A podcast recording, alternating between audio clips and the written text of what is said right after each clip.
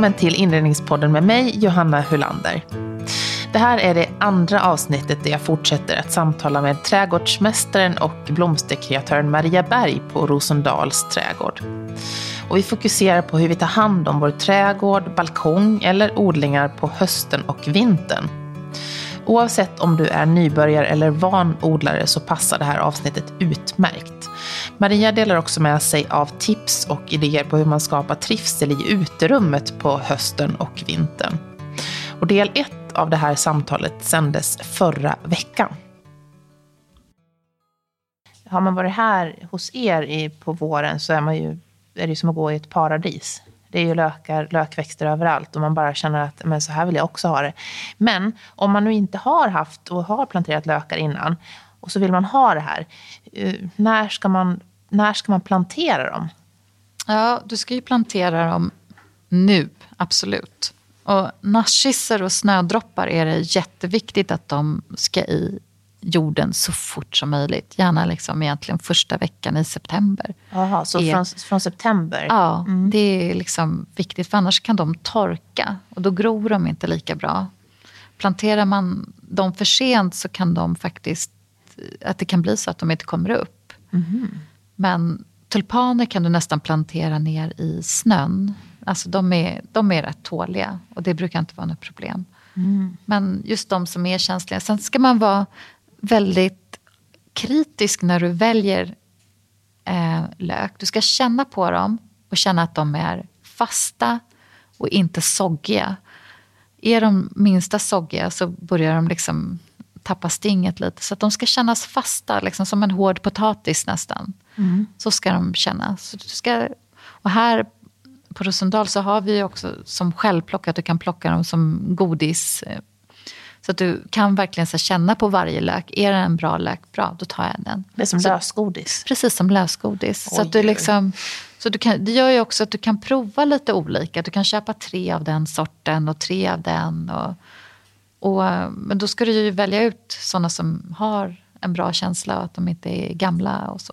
Mm. Vilket är svårare att göra om, du, om de är förpackade. Men jag, även om du köper sådana som är förpackade skulle jag vara noga med att känna efter. Mm. Just narcisser och snödroppar. Mm. Mm. Hur eh, planterar man dem sen? Jag tänker, har man en rabatt där, men här ska jag bara ha lökar, då är det ju kanske lätt. Mm. Uh. Så kan man göra. Sen kan man ju också så blanda lökar i sin vanliga rabatt. Eh, vad man ska tänka på är ju, planterar man narcisser som då är väldigt återkommande. Alltså de de kan komma igen i flera år. De behöver ju även delas var fjärde år. Det är bra att göra med dem också. För att eh, man vill liksom föröka sitt bestånd av dem. Eh, men det viktiga då är ju att tänka så här, för att bladen på narcisser och de flesta lökar ska ju gärna vara kvar i rabatten när de håller på att vissna ner. Och då är ju bladen rätt fula och gula. Så att antingen att man tänker på att man planterar lökarna ihop med då perenner som har lite stora härliga blad på våren där, typ som geraniumplantor, alltså nävor som kan dölja dem är en jättebra grej. Eller att du har dem liksom lite bakom. Eller att du, att du sätter dem en och en i rabatten, som att de sprider ut sig lite. För att då, då döljs det också lite bättre. Mm. För annars kan det bli så att det blir liksom helt, sätter du jättemånga att det blir helt gult bara liksom av de här bladen. Och likadant om du sätter dem i gräsmattan så blir det också det. Att du, du får, får, tänka lite liksom, att det blir så. Men de måste vissna ner. Man kan inte bara gå och klippa bort det. Utan det ska vissna ner för då går näringen tillbaks ner till löken och det är viktigt. Även på min favorit kejsarkrona? Ja, det är viktigt där också. Ja, ja. Mm. Mm. Och kejsarkronor är, är ganska näringskrävande gentemot många andra lökar. Ofta planterade man ju dem förr på komposter och sånt och då växte de jättebra och frodades. Så de, de vill ha lite extra faktiskt. Mm. Och trivs de så kommer de tillbaka och de förökar sig väldigt bra. Även om de är oftast ganska dyra i sina inköp så är det en bra investering om de trivs. Men är alla lökar perenna? Ah, inte riktigt faktiskt. Det finns de som bara kommer tillbaks något år. Tulpaner är ganska mycket så. Det är få sorter som kommer tillbaks. Lite av de botaniska vilda sorterna gör det.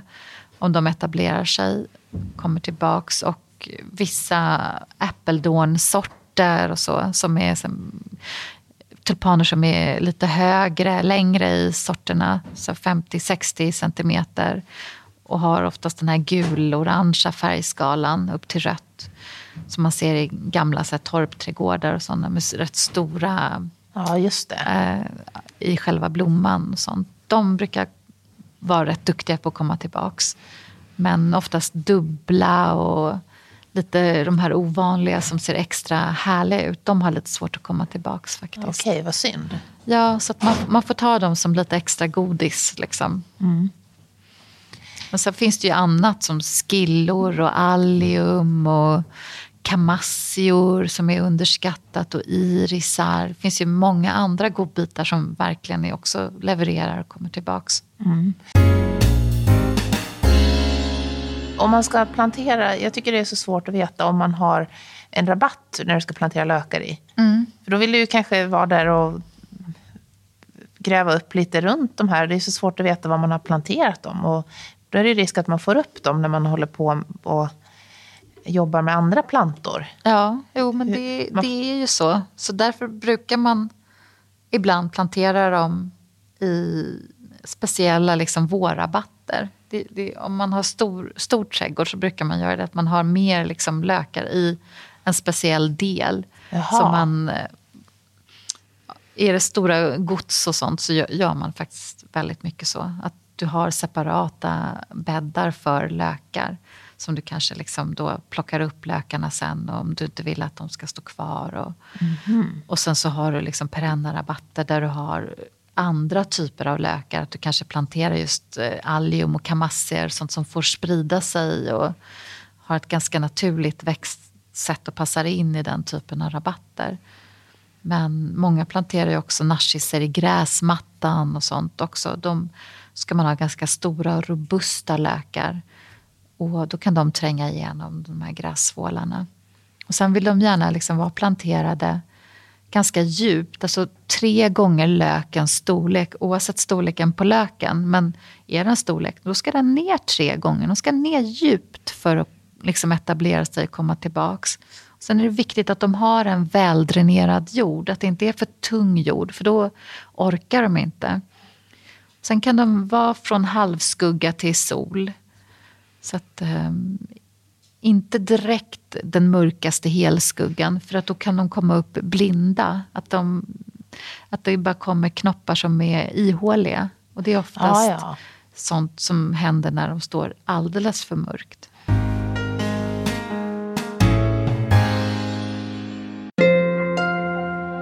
Det är jätteroligt när du hör av dig med synpunkter, önskemål om gäster eller om ditt företag är intresserade av att vara sponsor av något poddavsnitt. Och du når mig på info joelhome.se eller via DM på sociala medier.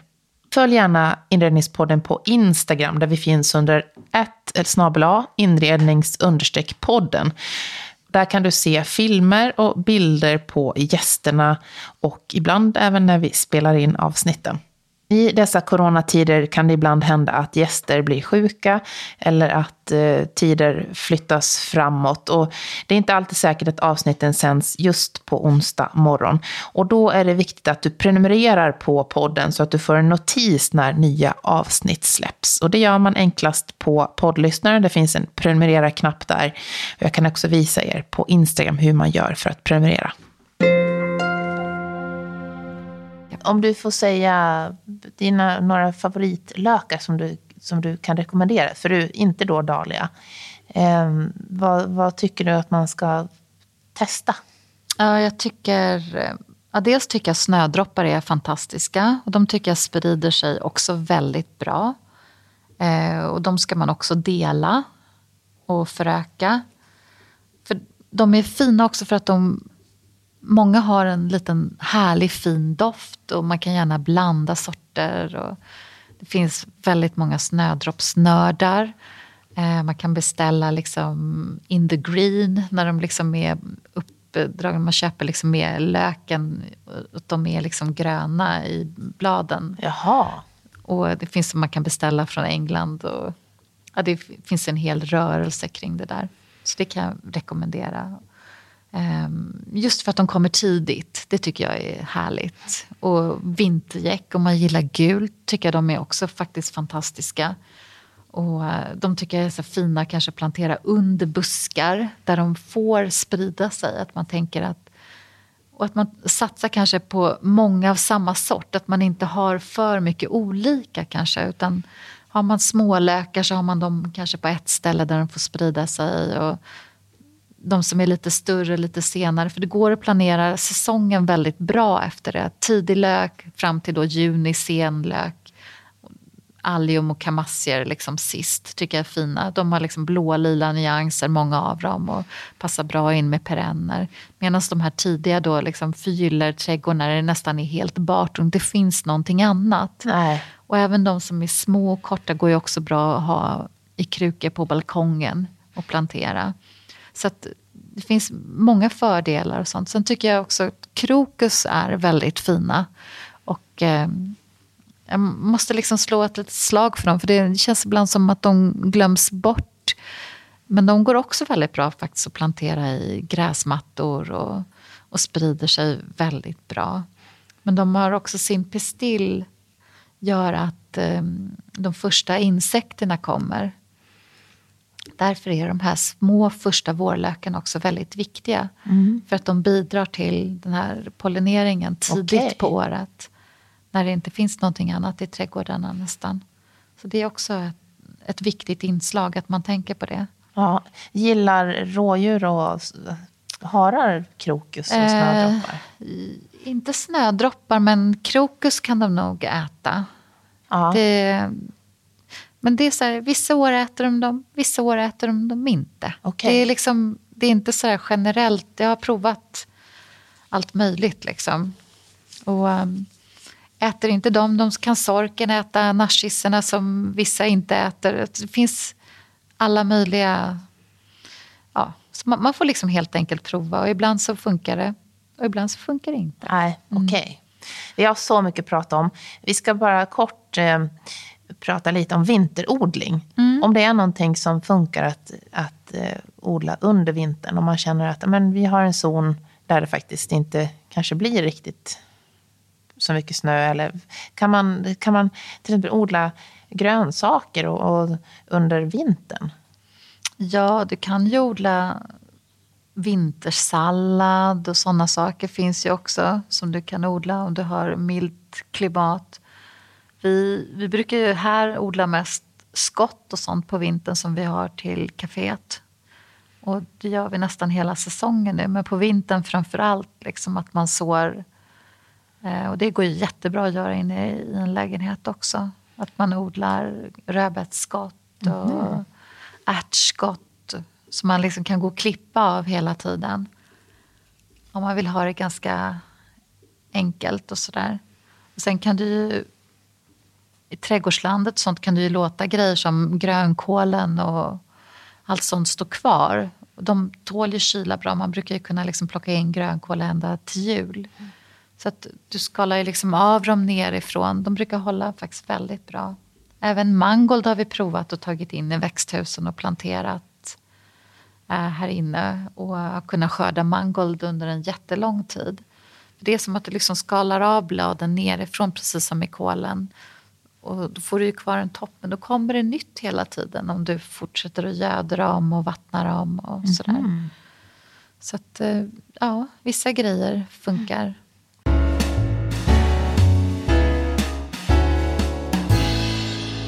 När börjar säsongen? Frökatalogerna pratade du om. Mm.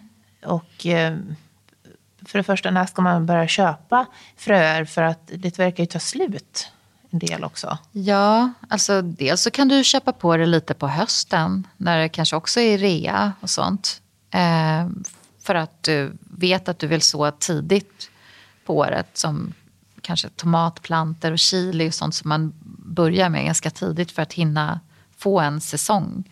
Men du kan ju också även spara egna sådana fröer. Frön från din, dina egna tomatplanter eller din egen chili. Torka. Så du vet ju att det var en god tomat som du åt. Då kan du, även om du inte vet vad den heter så vet du att det här var en svart, god, söt tomat och den vill jag odla. Men då har du ju frön i där, så kan du spara dem.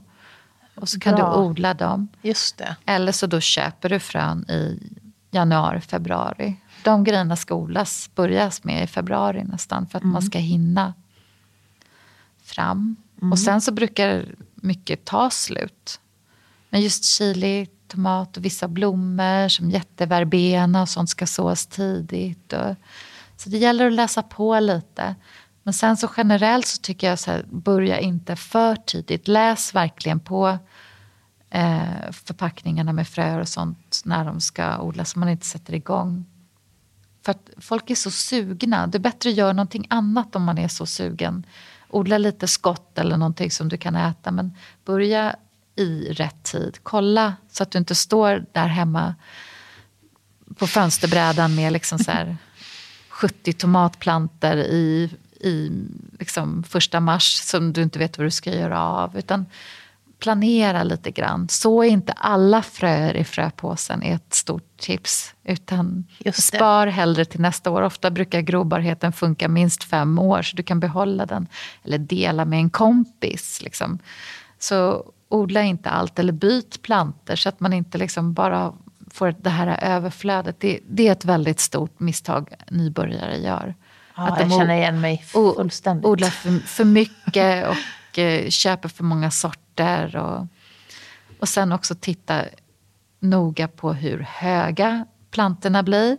För vissa tomater är ju låga, andra är höga och ska bindas upp. Så det är också sådana grejer som är bra att tänka på. Har man ett stort växthus eller då kan du gå loss på ett annat sätt. Men har du bara så att du får plats med en kruka på balkongen då är det ju jättedumt att odla upp 70 stycken. Ja, så att, mycket dumt. Alltså att man tänker lite sådär och behöver, ja, blir de stora så behöver de kanske då stöd eller spaljer. Det är mycket sådana grejer, att man tänker efter liksom först med logistiken. Har jag krukor? Har jag grejer? Kan jag odla i mjölkpaket eller måste jag köpa allting? Utan gå igenom alla sådana grejer, sen åk till plantskolan och köp det du behöver så du inte bara köper massa onödigt. Och sen kan man ju också ta hjälp. Ja, eh, absolut. Köpa en konsulttimme av, ja. av er som är proffs. Så att det, man får hjälp, för det sparar man ju pengar på också. Ja, absolut. Det tycker jag är en otroligt bra grej att göra om man har just kanske flyttat till en trädgård och inte kan så mycket. Då kan man ju både få hjälp med skötsel och val av växter. För att just etableringen av träd och buskar tar ju enormt lång tid. Att man räknar nästan med minst fem till tio år på själva grundstrukturen och den vill du ju egentligen sätta så fort som möjligt. Plantera rabatter eller odla grönsaker, det, det kan du ju göra liksom på en sommar. Det kräver ju minst planering. Men den här strukturen, hur du vill ha det hemma och hur du vill liksom att eh, det ska se ut och känslan. Och, så, samla på sig bilder är bra och tänka efter lite grann och prata igenom i familjen vad, vad alla har för önskemål. Brukar jag råda folk att man fotar mycket, trädgården, ser vad man vill dölja, kanske grannars häckar eller man, vad man vill framhäva, vad som är extra fint i trädgården. Det kanske man vill lyfta fram mer, ta bort vissa saker men inte ta bort allt. Och sen flyttar man till en trädgård att man låter ett år vara ett, eh, ett prövoår. Att man dokumenterar det som finns i trädgården. Att man inte bara helt maniskt röjer ut allt som växer. För det kanske är små juveler som finns där i trädgården i form av buskar och träd som du inte ens hade tänkt på. Och då ser du kanske inte dem om du flyttar in. Så att, låt, låt ett år vara åtminstone ett provår och fota mycket och sen tar man hjälp. Det är mitt bästa råd. För att då kan det vara så att du kan flytta buskarna, flytta perennerna. Då sparar man både tid och energi, storlek också på växter. Och så ser man också vad som har trivts i den trädgården och växt. Och det ger ju också väldigt nyttiga ledtrådar vad som kan funka med att du etablerar nya saker och sådär. Mm. Och gärna titta runt också i grannars trädgårdar vad som växer väldigt bra. För det är ofta samma jord och växtskyddat läge och sådana saker. Och, mm. Så det kan vara väldigt bra att tänka så. Mm.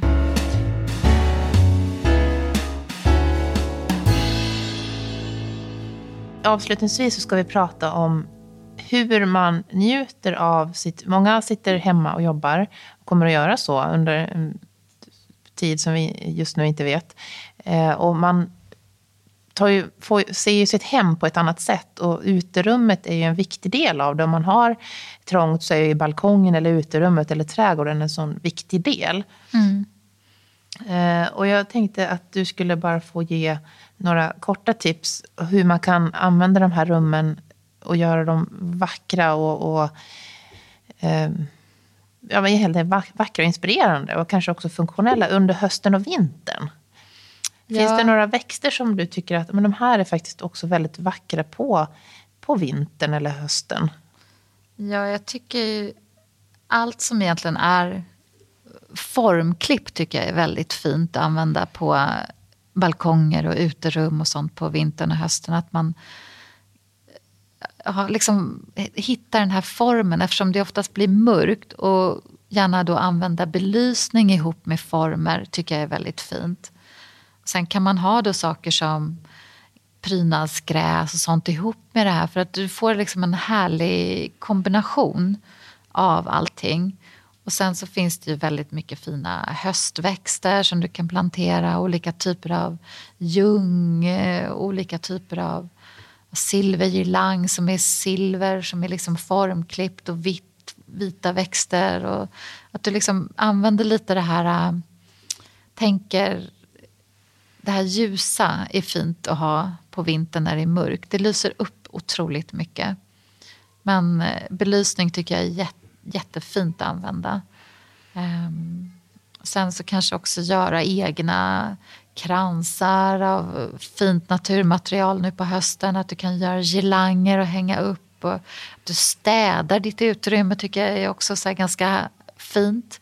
För då kan du liksom stoppa in granris och har man krukor som är lite tråkiga men du vill ändå spara dem så kan man liksom sticka ner sånt ris i krukorna och också bilda någon slags struktur och volym. blir faktiskt väldigt fint. Så att du kan liksom, och då skyddar det även plantorna samtidigt. Att du liksom packar in dem i någonting vackert. Och sen kanske köpa någon fin tall eller att du har lite de här um, den typen av växter på balkongen. Att någon liten fin gran eller ja, så att du får den här skogskänslan är väldigt härlig. Då kan du också plocka in grejer från naturen och sätta. Så att det liksom passar ihop, att du får lite en annan känsla än det du hade på sommaren. Men ja, små lyktor gör väldigt mycket tycker jag. Att du kan hänga kanske uppifrån. Och sånt som gör att du tänker att du sitter inne och så blickar du ut. Och vad är härligt? Jo, det är ljuset, formen. Det är ungefär det du ser. Mm. Faktiskt cyklamen håller väldigt bra på balkongen. Om man sätter den lite skyddat. Det är en växt som växer vilt i Skåne och sånt faktiskt. Så små cyklamenklöver. De är väldigt vackra. Ja, men även just i Italien och England så använder man sig väldigt mycket av cyklamen på vintern. Mm. De har ju mildare klimat men just i en skyddad balkong i innerstan funkar det faktiskt väldigt bra. Jag har provat det i min egen balkonglåda. Tycker att det har funkat väldigt bra. Mm. Och har man infravärme kan man faktiskt sitta i de här utrymmena ja, också. Absolut. Mm. Alltså, boa in sig med någon mysig fåtölj och filtar och allt sånt där som känns härligt. Det, det gör ju också att det blir använt. Annars så står ju oftast balkongerna bara tomma. Mm. Precis.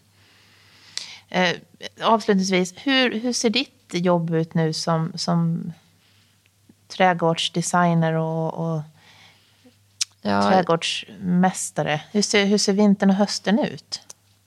Ja, utan hur ser den ut egentligen? Jag, du sa att du tyckte det var ganska skönt. Ja, jag tycker att det är väldigt skönt så på vintern för att då börjar man städa och man plockar undan i trädgården och man, man har det här lugnet att man får ja, plocka bort saker och man klipper bort bort eh, det som är dött, som är fult. Och man packar in liksom hela trädgården och man känner sig lite mer ledig.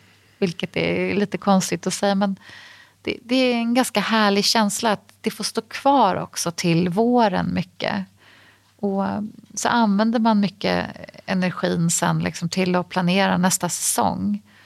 Att, eh, jag tror många trädgårdsmästare håller med. Och vintern är ju mest att då sköter man kanske liksom plogning och uh, använder tiden till det och, och drar upp saker till nästa år. Att man börjar hela den planeringen. Ska man dra upp lökar i krukor och sånt så kan du plantera det och ta fram på våren. Och du, ja. Mm. Så att, mycket, mycket sånt tycker jag är härligt. Och fördjupa sig i trädgårdsböcker, läsa på om det som man har blivit intresserad av. Vilken trädgårdsbok rekommenderar du då? Åh, gud, det var en svår fråga. Ja. Den har du inte, den har du inte eh, Nej, sett den var jag faktiskt komma. inte beredd på. Nej, jag tycker att man ska... Kanske inte liksom egentligen än, utan jag tycker att man ska välja det man har blivit mest intresserad av det året. Har det varit grönsaksodling, ja, då köp en bra odlingsbok för grönsaker. Har det varit dahlior, köp en bra dahliabok. Mm. Att man inte köper så himla mycket så här coffee table-böcker utan man köper lite mer böcker med handfasta råd, lite mer åt det proffsiga hållet. Att, mm. Det finns annars så himla mycket man kan liksom fördjupa sig på nätet. Så ska man liksom köpa en bok så ska det vara bra böcker som du kan ha lång glädje av. Det finns ju otroligt mycket i alla genrer egentligen. Mm. Så att, jag har svårt att rekommendera en bok. Jag är så här, tar vi nästa avsnitt. Jag köper så mycket böcker så att det är... Det är ja. I den här podden så får man önska en gäst som man skulle vilja lyssna på i ett annat avsnitt. Är det någon person som du skulle vilja höra? Ja, kanske Simon Irving faktiskt. Ja. Som jag jobbade för där en säsong. Som är en fantastisk trädgårdsperson. Kul. Tusen tack Maria. Tack jättemycket för att jag fick vara med.